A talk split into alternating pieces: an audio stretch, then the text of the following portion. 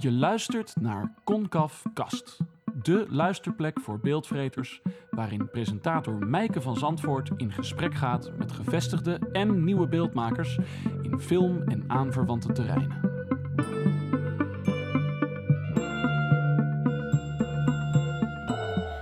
Dat je luistert naar Concaf Kast. Vandaag praat ik met gepassioneerd cameraman Jean Counet. We zaten samen op Academie Sint-Joost, maar na het tweede jaar vertrok hij naar Sint-Lucas in Brussel. Nadat hij op het Nederlands Filmfestival een wildcard won, nam zijn carrière een vlucht. Inmiddels is hij een veelgevraagd cameraman voor documentaires en speelfilms en maakt hij daarnaast zijn eigen films. Hoi Jean. Hallo, hallo Maaike. Welkom in mijn podcast Concaf Kast. Dankjewel. Superleuk dat je erbij bent. Uh, Ja. We zitten naar elkaar te kijken op Skype. Want eh, waar ben je eigenlijk? Eh, ik zit op de Dacia in Letland, in het eh, zuidoosten van Letland, aan de Wit-Russische grens. En ja, dat is een soort zomerhuisje met sauna en, eh, en barbecue. Misschien dat ik zo, zo dadelijk nog de sauna in, eh, in ga. Maar ik vond het wat eh, onbeleefd om hier dan gelijk in mijn naki zwetend eh, voor die camera te zitten. Maar dat is een plek waar ik veel kom. Eh, dat is het huisje van mijn schoonouders. En ik heb twee films in Letland ook opgenomen. Dus het is een land en een plek waar ik graag ben. Ehm, we hebben een vast onderdeel in de podcast. ehm, zodat mensen je even snel kunnen leren kennen. En dat noemen wij de korte vragenronde. Dus daar beginnen we dan gewoon even mee. Oké, Waar ben je geboren? Eindhoven, Waar woon je nu? Amsterdam. Wat is de beste film aller tijden? De beste film aller tijden qua docu vind ik eh, eh, Three Rooms of Melancholia. Fantastisch van Pier Casallo. Heb je ook een favoriete speelfilm? Eh, In de Moed voor Lof van Hong Kar-wai. En alle Decalogue-series van Kieslowski. Verliefd, verloofd of getrouwd? Getrouwd. Bier of champagne? Eh, champagne. En het liefst Sovjet champagne. Vimeo of YouTube? Eh, Vimeo. Laatste film die je zag? laatste film die ik zag. Jeetje, dan moet ik heel hard nadenken. Maar het was eh, recent de film van Clara van Gol ehm, over de bankiers. En hoe heet die? Voices of Finance. Ja, fantastische film. Aanrader. Welke film heeft je leven veranderd? Ehm, de film van eh, Marcel Wozinski, Anything Can Happen. Een Poolse documentaire over een eh, jongetje in een park wat met ouderen praat. En eh, ik, dat was zo'n fantastische film. Ik dacht, dat wil ik ook. En toen ben ik van, document, of van fictie naar documentaire overgestapt op school. Oh, dat is dus best wel een grote invloed geweest. Ja, ja, ja. Kun je wat meer toelichten over die film en wat het dan was wat je zo inspireerde om dus docu's te gaan doen? Het was een soort eh, dag in een park met het zoontje van de regisseur die, op, eh, die rondstept. En af en toe een gesprek aangaat met, met iemand die, die daar zit. Het zijn veel oudere, eenzame mensen die daar zitten. En daar heeft hij hele simpele gesprekjes over wat is geluk, wat is leven, wat is dood, wat is oorlog, wat is verdriet. En eh, ja, daar spreekt een soort puurheid uit van dat, van dat jongetje. Een, een puurheid en levensenergie. En vanuit de oudere mensen is er ontroering of wat bitterheid of wat teleurstelling. En ik vond het zo fantastisch dat die film. eh, ja, het is een idee en een concept waaruit dat ontstaan is. En eh, het was zo krachtig en veelzeggend in zijn eenvoud. En ik had nog nooit dat soort documentaires gezien. Ik vond het fantastisch. Wat, wat zie je in jouw werk terug van die film? Nu? Ehm, ik observeer eh, in mijn eigen eh, werk als regisseur observeer ik heel veel. Wat, eh, ja, wat, wat daar, die film bestaat alleen maar uit observeren met een lange lens. En ehm, ja, dat vond ik er ook heel inspirerend aan. Dat je niet hoeft te interviewen of voice-overs hoeft te gebruiken. Maar gewoon mensen zelf kan laten praten. En daar prachtige verhalen mee kan vertellen. Voor mij is het een hele pure vorm van maken.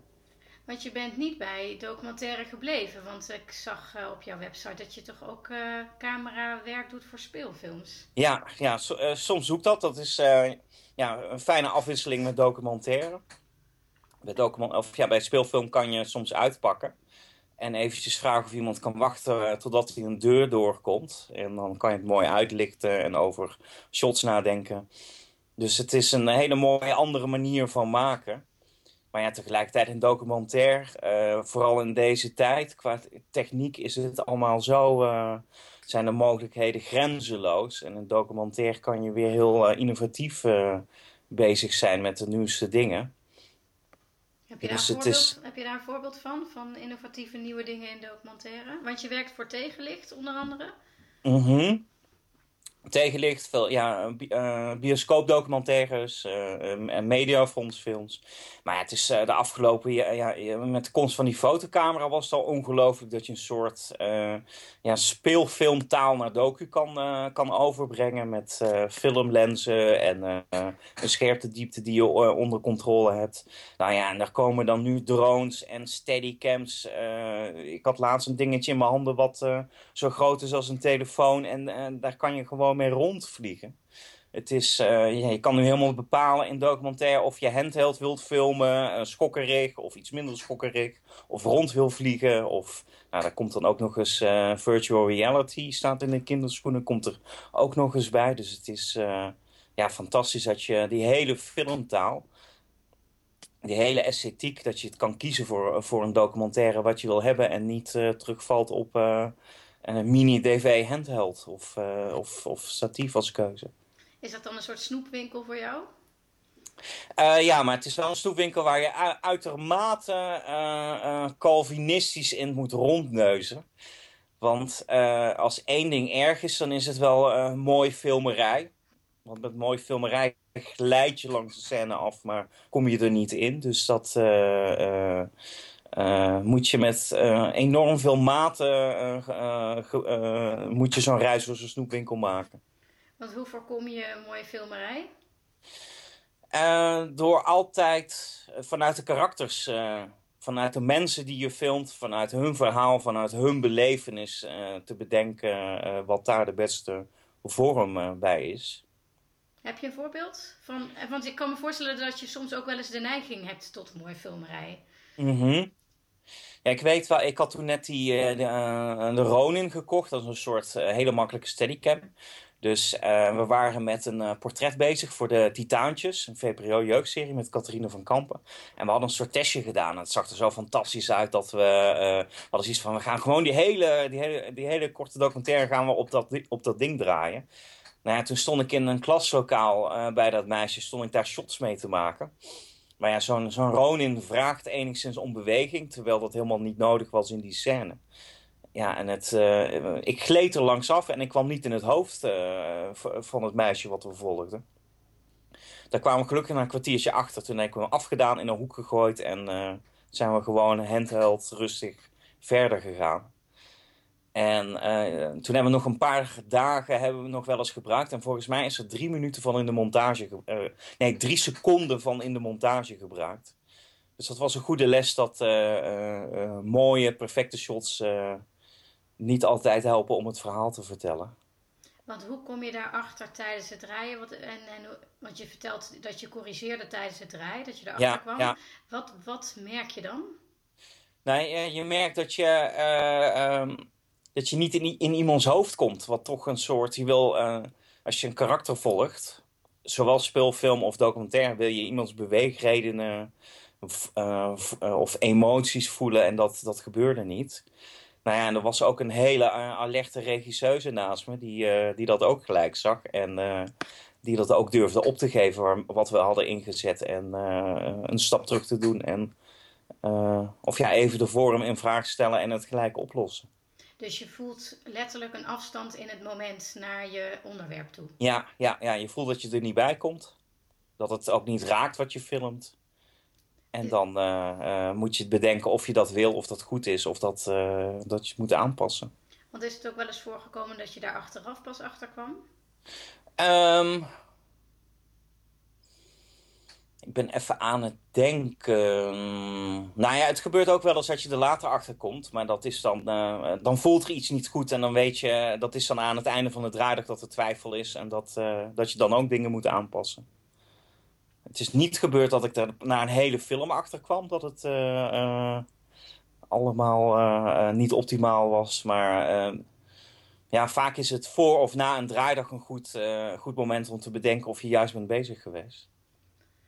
Je moet dat je moet het vooral niet tijdens het draaien te veel in vraag gaan stellen. Want uh, er kan ook altijd twijfel zijn. En je kan dingen ja, compleet kapot beredeneren. Of ja, in paniek raken als cameraman en regisseur. Waardoor, ja, waardoor alles uit je vingers glipt. Kun je iets meer vertellen over die samenwerking tussen een cameraman en een regisseur? Ja, als regisseur of als cameraman uh, is het heel belangrijk dat je de visie van de regisseur begrijpt voor een film. En daar ook de juiste persoon voor bent. Er zijn heel veel cameramannen. Volgens mij zijn er nog meer cameramannen dan taxichauffeurs. Dus het is uh, een soort casting uh, die je moet hebben ja, voor een film. Niet alleen voor de camera, maar ook de achtercamera, achter de camera. Dat, ja, dat je de juiste man op die belangrijke plek bent. Want je, ja, je visualiseert wat de regisseur voor ogen heeft. En het liefst ook nog uh, uh, uh, twee keer of drie keer mooier dan dat, dan dat hij durft te hopen. Dus het belangrijkste is dat je elkaar begrijpt. En wat ik vaak doe is een, een, dag testen met een regisseur. één of twee dagen om te kijken of we dezelfde taal spreken. Want ja, je kan heel erg veel voorbereiden en elkaar uh, drie keer per week in de kroeg uh, ontmoeten. En dat jarenlang. Maar als je samen bezig bent, dan pas weet je of die chemie goed gaat. En of je, of je ja, de visuele dromen van een regisseur, regisseur kan verwerkelijken. Dus... Helpt het daarbij dat je zelf ook regisseert? Ja, want ehm, ja, tijdens een scène, als je aan het observeren bent, uh, als een regisseur zegt zoom in of naar links of naar rechts, of, uh, dan ben je al te laat, dan mis je het. Dus tijdens, uh, tijdens de opname zit je vaak op de regisseurstoel. Je staat vooraan, je staat het op te nemen. Dus het is, ja, als je elkaar begrijpt, dan gaat het goed. En het beste wat de regisseur dan, dan kan doen is um, extra ogen hebben om shots te zien die nog beter zijn dan, die we aan het maken zijn. Maar eh, ja, het is belangrijk dat er een wederzijds vertrouwen is en dat je met dezelfde film bezig bent. Gebeurt het ook wel eens dat je op die stoel gaat zitten en dat je dan te veel op die stoel zit? Is dat wel eens misgegaan? Um, nou, als cameraman ga ik niet, um, um, ga ik niet op een regisseurs, regisseurstoel zitten. In de, of ik doe dat dienstbaar als cameraman. Maar eh, ik ga niet bepalen of de scènes wel of niet gedraaid moeten worden. En het gebeurt wel eens dat je twijfel hebt. Uh, twijfel als maker, dan kan je kan het dan wel vragend uitspreken. Maar uh, ja, een regisseur is, is, maakt zijn film. En als het voorkomt dat ik een shot niet begrijp, dan, ja, dan geef ik dat aan. Maar dan betekent het niet dat ik het ga weigeren of of ja, dat betekent niet dat ik, het, uh, dat ik het dan niet ga draaien. Dus wat dat betreft, um, denk ik niet dat ik uh, te veel als maker dan bezig ben. Wat, uh, jij hebt inmiddels best wel veel mooie opdrachtgevers. Hoe, hoe ben je daar gekomen? ik ben als regisseur opgeleid. In Brussel was dat, Sint-Lucas. En het fijne van die school is dat, ehm, dat je naast regie ook camera leert en montage en uh, allerlei facetten. En toen uh, lag mijn hart eigenlijk ook al bij camera. Um, ja, want het is fantastisch om met beeld bezig te zijn en in een team te werken. En, uh, en toen heb ik een wildcard gewonnen met mijn afstudeerfilm. En toen ik die uiteindelijk na twee jaar pas aan het draaien was, besefte ik dat mijn cameraman en geluidsvrouw gewoon acht films in de tussentijd gedaan hadden. Dus ik was stik jaloers dat die zoveel ervaring hadden. En dat dan ook nog eens met iets wat leuker is dan uh, regisseren. Want regisseren is leuk om te doen zolang het goed gaat. Maar als het niet goed gaat, heb je slapeloze nachten en een gevoel dat je keel wordt dichtgeknepen. En is het, uh, ja, als cameraman kan je oplossingen aandragen en ervoor zorgen dat het niet uh, gebeurt, hopelijk met de regisseur. Maar, dus wat dat betreft is camera leuker. Dus toen besefte ik van, nou, misschien is het wel fijn als ik niet alleen maar regisseer, maar ook film. En dan misschien vier films film en dan eentje regisseer. Nou ja, dus dat had ik besloten. En uiteindelijk was ik, uh, besefte ik twee jaar later dat ik iets van twaalf dingen gedraaid had en uh, zelf niks meer geregisseerd had. Dus dat, dat gaat dan zo. Maar De, de, eerste film die ik in Nederland heb gedaan was met Wout Konijn. Toen zijn we naar Tibet gegaan. En toen hebben we drie gehandicapte fietsers gevolgd. Die daar ehm, over de ehm, Himalaya, of door de Himalaya zijn getrokken. Was een zware tocht. En ik weet met de openingsscène, toen heb ik compleet onverwachts en onbesproken een hele heftige keuze gemaakt. Dat was een uh, jongen met uh, zijn moeder, die door een journalist werden geïnterviewd. En ik heb toen besloten om alleen maar die jongen te laten zien. Want dat vertelde voor mij honderd keer meer dan de moeder die uh, aan het ratelen was daar, daarachter. En bezorgd was, wat heel begrijpelijk was. Ik vond de reactie van de jongen interessanter. En uh, ja, gelukkig accepteerde Wout dat shot. En ik weet nog dat uh, Jos de Putter, die produceerde het. En die, ja, die vond het zo fantastisch. Dus die riep tegen iedereen dat ik de beste cameraman van mijn generatie was. Nou ja, en dat hielp, hielp heel erg om, uh, om meer films te gaan draaien. Dus dat, ja, dat balletje was aan het rollen. En ja, nu, ja, nu krijg ik heel veel werk aangeboden en moet ik heel goed kijken ja, waarbij ik goed pas en, en wat ik wil doen. Waar, waar uh, kies je op? Um, nou, het belangrijkste is dat het klikt uh, met een regisseur. Dat is, het is een nachtmerrie als het niet klikt. Dus dat, dat is heel belangrijk. Um, nou ja, het onderwerp moet aanspreken. Je moet, ik moet, moet, je moet oprecht nieuwsgierig zijn om 40 dagen lang in een garage te duiken. Of, of met narcisten door te brengen. Um, dus ja, het, het onderwerp. Uh, uh, ja, dan moet een nieuwsgierigheid op, opwekken. En ik moet kijken of ik, of ik daar al die tijd wil doorbrengen. En ja, qua stijl moet het ook matchen. Of moet het me uitdagen, of moet het een beetje op een lijn liggen. Dus dat zijn drie dingen die, die heel erg meespelen. Want als Jos de Putter roept, Jean Counet is de beste cameraman van zijn generatie. Dat kan me voorstellen dat dat ook een soort van druk geeft. Uh, ja, iedere film is, uh, iedere film, eigenlijk ieder, ieder, ieder moment dat je aan het draaien bent, geeft een soort druk, want je, dat moet lukken. Dus dat ehm, maakt dan eigenlijk nog niet eens uit wat anderen roepen, of dat nou heel goed is of heel slecht, maar je moet op het moment scherp zijn en figuurlijk dan, naast letterlijk, maar of, je moet scherp zijn, in het moment zitten en het beste eruit halen. Is het dat echt zo? Je bent zo goed als je laatste film, wat ze van acteurs zeggen? Is, geldt dat ja, voor cameramannen? Zo goed als je laatste shot. Dat, ja, dat, ja. Want uh, als, ik, als ik een essentiële scène verkloot, dan is het gewoon afgelopen. Wat was je laatste shot eigenlijk? Mijn laatste shot was. Um, uh, dat was voor de teledoc van Susanne Raas. 0,03 milliseconden over een aantal uh, topzwemmers en topcoaches. die zich voorbereiden naar Rio.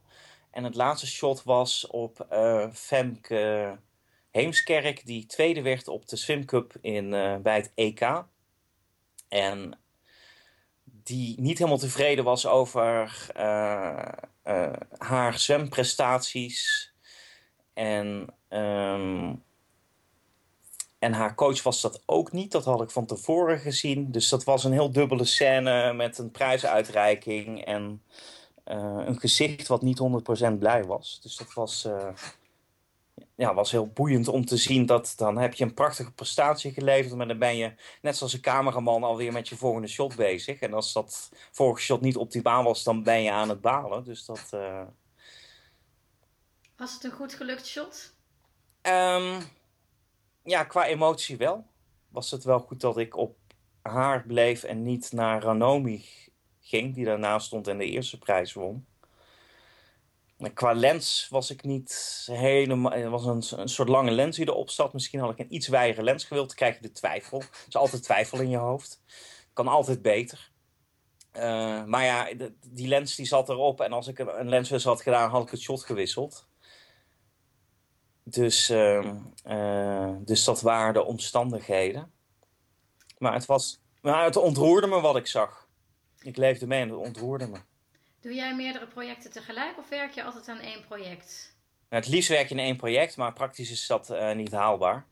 Want hoe zag bijvoorbeeld jouw week eruit? Ik uh, open even de agenda, ik ben het alweer... Dit was trouwens, die week was heel makkelijk, want het was allemaal op de Swimcup in Eindhoven. Dus dat is wel fijn. Maar ik, als ik terugkom heb ik, ehm, heb ik een draaidag in Amsterdam met mensen die problemen hebben met geld, die schulden hebben voor een, uh, voor een tv-serie.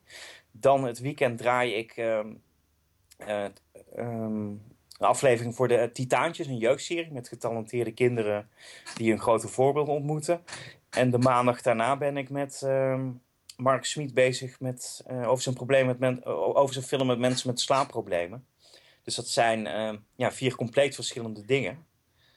Waar wel al voor gedraaid is. Dus je kan heel snel teruggrijpen op wat, uh, wat toen is ingezet.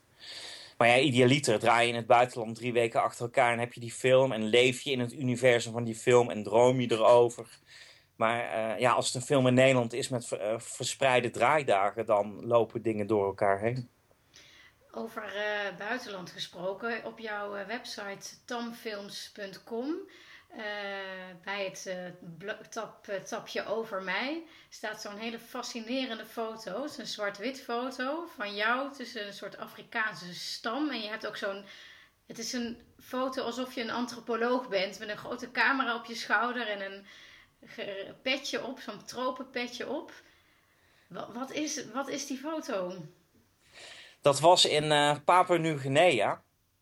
Daar waren we aan het filmen. En ik laat bijna nooit foto's van mezelf maken, want dat vind ik altijd een beetje zo pronkerig. Maar dit was zo'n unieke situatie. Ik stond daar tussen die mensen uh, die uh, traditioneel aangekleed waren. En uh, de scène stond erop. En ik dacht van, nou, ik wil uh, ik, met deze mensen uh, zou ik toch graag op de foto willen. Want ik voelde me een soort ja, kolonist. Honderd jaar. Ik denk, stel als mijn grootvader in het buitenland films had gemaakt, dan had hij zo'n foto gehad. Dus ik wou zo'n foto. Dat, Ja, zo ziet die foto er ook precies uit. Maar het is. Het is hij is fascinerend, omdat hij bij, inderdaad uit een ander tijdperk lijkt te komen. Ja. Uh, omdat hij, en ik ken jou uh, natuurlijk al heel erg lang. De foto is ook heel erg Jean Counet. Op een of andere manier straalt hij iets uit over wie jij bent in mijn ogen, zoals ik je ken. Ja, ja. Maar met film is het belangrijk dat je jezelf bent. Als je jezelf bent, zijn mensen voor de camera ook zichzelf. En of dat nou in Papua-Nieuw-Guinea is, of uh, in een garage in Nederland of in Breda, maakt niet zo heel veel uit. Dus je moet zorgen dat je een transparant mens bent om een goede cameraman te zijn?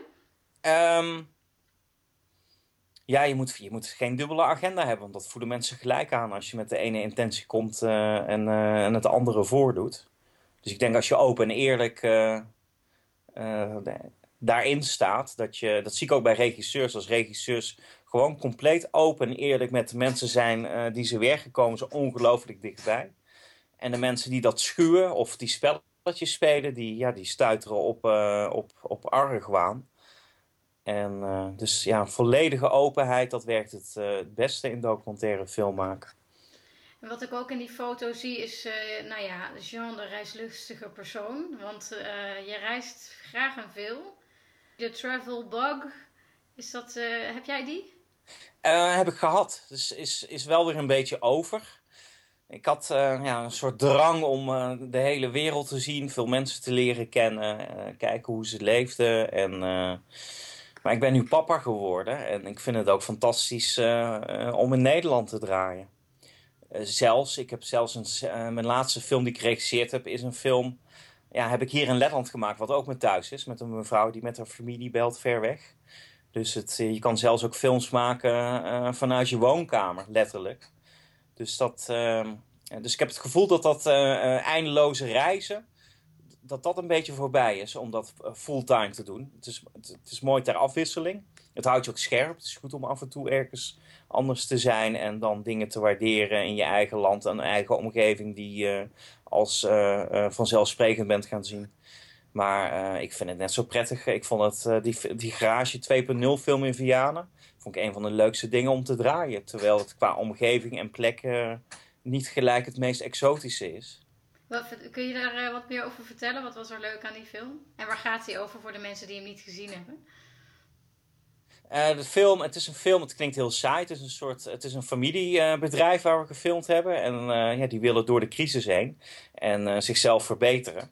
Nou ja, het, het, kan, het klinkt bijna niet saai, of ja, het kan bijna niet saai dan dat op papier, maar het was hilarisch. Het, ja, goud eerlijke mensen voor de camera die, ja, en het waren hilarische scènes. Ik ben geen kantoorwerk gewend. Maar ja, die kantoorhumor, dat was fantastisch. Dat, uh, uh, nou ja, met Catharine van Kampen, die altijd heel eerlijk is aan de karakters, uh, zijn we ja, heel dichtbij kunnen komen. Dus het was heel, heel dankbaar om dat te mogen draaien. Op een plek die, je, hebt, je hebt schoonheid, je hebt lelijkheid. En dat is allebei prachtig een film. Maar dit was qua plek niet heel mooi of niet heel lelijk. Dus het was echt een uitdaging om dat vorm te geven dat het ja, dat je er toch naar wil blijven, blijven kijken. En hoe heb je dat gedaan? Um, de kadrages waren heel belangrijk. Goed naar de ruimte kijken. Zo'n uh, uh, kalender met blote vrouw op de achtergrond helpt ook wel mee tijdens een serieus gesprek. Maar het was moeilijk, het was niet vanzelfsprekend. Dus dat, als dat dan lukt, dan ga je wel tevreden naar huis. Want um, ik vroeg me nog af, heb jij dan een manier van kijken die anderen niet hebben? Zie jij iets wat anderen niet zien? Mm. Nou, het gaat er in een scène om dat je, dat je ziet wat er echt gebeurt. Of dat je tussen de regels doorhoort wat de intenties zijn. En als dat vaak wat anders is, of als het wat anders is vaak dan, uh, dan dat er gezegd wordt, dan is het mooi om daarop te focussen. Maar, maar het is niet dat mijn camerawerk, uh, uh, dat ik daar de enige in ben. Dat is, als cameraman heb je een soort, ook verwante andere cameramensen die een soortzelfde blik hebben. En je hebt mensen die een compleet andere blik hebben. En met, met, met, met regisseurs is dat hetzelfde. Dus ik denk dat je, ja, dat is een soort familie in een documentaire veld of in het filmveld of een, eh, een soort stijl. Dus ik, nee, ik, zie, ik ben daar niet de enige in.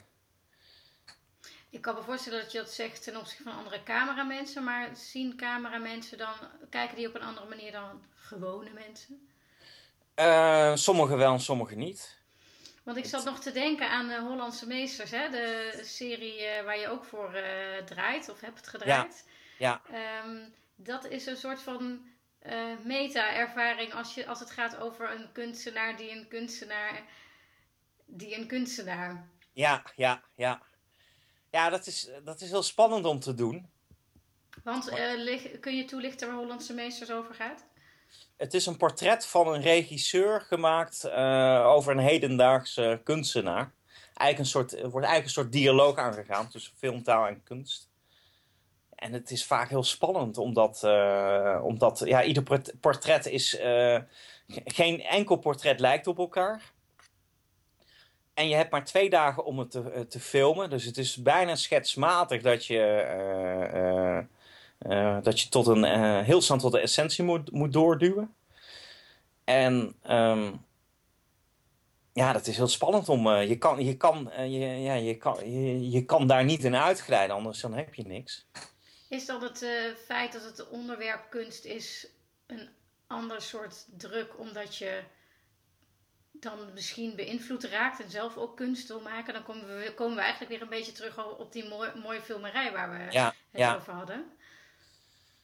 Um, nou, het helpt met dat soort dingen om je juist niet te veel voor te bereiden. Want als je uh, tegen een kunstenaar gaat, of ja, uh, over het algemeen, als je tegen mensen gaat opkijken die je filmt of, uh, of te veel weet, dan, um, dan zie je dat ook terug in de beelden. Dus, um, dus het helpt om rustig te blijven en je hoofd niet gek te laten maken. En het helpt er helemaal om, stel je maakt uh, werk over een fotograaf, om dan niet met je kaderstad te willen gaan overtreffen. Maar ja, het is vaak een werkproces wat je filmt, dus daar ben je dan ook niet mee bezig. Nou ja, en dat portret van, eh, van Helen van Menen, dat was, was fantastisch om te mogen filmen. Een, ja, een vrouw die heel eerlijk is in, tijdens het maken van haar werk in haar onzekerheid, wat we hebben kunnen filmen.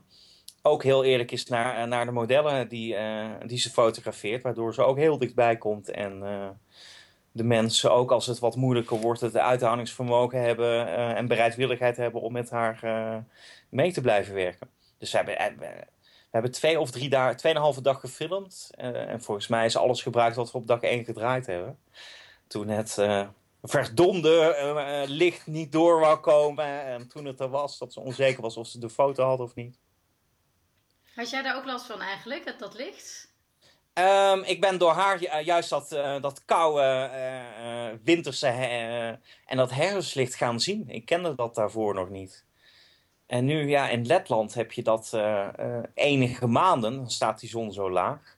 En dan is het koud. En dat is, ja, dat is licht van een, een bepaalde kwaliteit die weer compleet anders is dan het wat bekendere uh, een Magic Hour, waar veel mensen, wat veel mensen dan wat beter kennen, net voor zonsondergang. Want wat is het verschil met Magic Hour? Magic Hour is zonsondergang, dus dan heb je wat warmer licht. En ja, dat, dat herfstlicht wat we toen hadden, dat is een soort, dat is gewoon daglicht, maar die zon staat wat lager. Uh, daar komt het ook vaak door bomen. En dan heb je ook nog een soort koude, eilige lucht, wat, uh, wat voor een soort zachtheid uh, zorgt. Ja, dat is prachtig. Wie bewonder jij als cameraman? Um, Johan Casallo, die zelf toen die Three Rooms of Melancholia gedraaid heeft. Victor Kozakowski. Dat is ook een regisseur, cameraman die ja, uh, is een film, Sviato, waarin zijn zoontje zichzelf voor het eerst in de spiegel ziet. Die vind ik fantastisch. Ook weer de puurheid. Ja, ja, ja. Geen uh, foefjes erbij. Uh, je bent erbij bij zo'n mooi moment en je draait het goed en zorgvuldig zonder dat het mooie filmerij wordt.